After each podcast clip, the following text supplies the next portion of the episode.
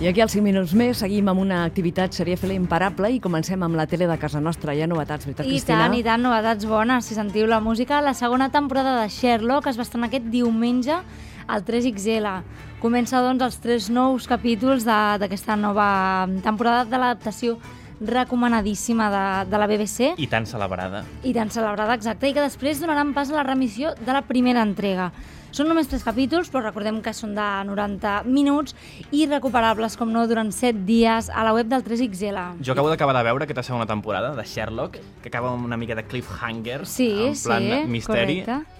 Què se sap de la tercera temporada? Tu que estàs una mica per davant. de A veure, se sap que es rodarà en principi el 2013. Que es rodarà? Sí, és a dir, els creadors han dit que mm, el, ho tenen pendent, que hi haurà tercera temporada segur, però que mm, per qüestions de feina fins al 2013 res, però vaja, paciència, Sí, el no? bo es fa esperar, mireu Mad. Men, que ha valgut la pena. Però aquesta no ha estat l'única estrena de diumenge, no? No, aquest diumenge una mica sobredosi, perquè a més Sí, del... moltes sèries. Sí, Mhm. moltes. A part dels nous capítols de Mad Men, de Game of Thrones, etc, ha hagut el retorn de la tercera temporada de The Good Wife a la Fox estatal i el debut de la nova sèrie policíaca produïda per Robert De Niro, New York City 22, 22 a la CBS. CBS. Però també s'ha Exacte.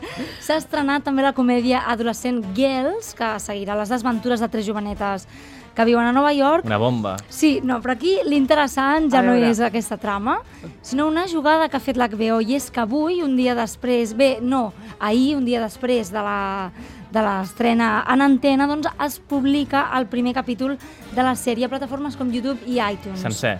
Sencer, a moda de mostra. Si t'agrada, abona't a l'HBO. Nosaltres no ens hi abonarem, però mm, veurem les sèries, que també passarà això amb la comèdia política protagonitzada per Julia Louis-Dreyfus, que aterrarà el 22 a la mateixa cadena, VIP. Girls és de l'HBO. Girls és de l'HBO, per tant, sí, sí. li podem donar un cop d'ull. I tant, segur, segur. Després veurem si mm, va dirigit a nosaltres o no. I- Tot el que és de Ricky Gervais a mi m'interessa. Sí, I em doncs, sembla que hi ha coses. hi ha, hi ha coses. A veure, mm, la setmana passada mm, es va estrenar la nova obra de Ricky Gervais, Derek, eh, que venia acompanyada per molta polèmica. És a dir, ha estat criticada des de que es va saber que s'estrenaria al Channel 4 eh, britànic, doncs perquè tracta sobre un noi amb una lleugera dis- discapacitat que cuida de gent gran. I això va alertar molta gent, va dir, compte que Gervais em farà mofa, mm, serà, vaja, ofensiva a 100%, però no.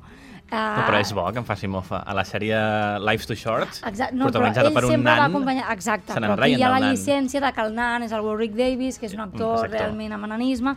Bé, el cas és que no, ens ha enganyat a tots, de polèmica res, és una sèrie... Bé, és una dramèdia, és un canvi de registre, és drama amb tocs de comèdia que per mi no acaben de funcionar, perquè bé, el Derek és un personatge molt tendre, molt fràgil, una mica infantil, que busca aquesta, aquesta empatia amb l'espectador. A mi m'ha semblat forçat, ja, ja veurem. El cas és que encara no és una sèrie completa, només s'ha més el pilot i es decidirà si si s'han demanat més capítols o no. Es diu com el protagonisme, eh? el protagonista, Sí, Derek, Derek. exacte. Molt bé, doncs Cristina, gràcies i ens escoltem molt aviat. Molt bé, bon dia. Adéu.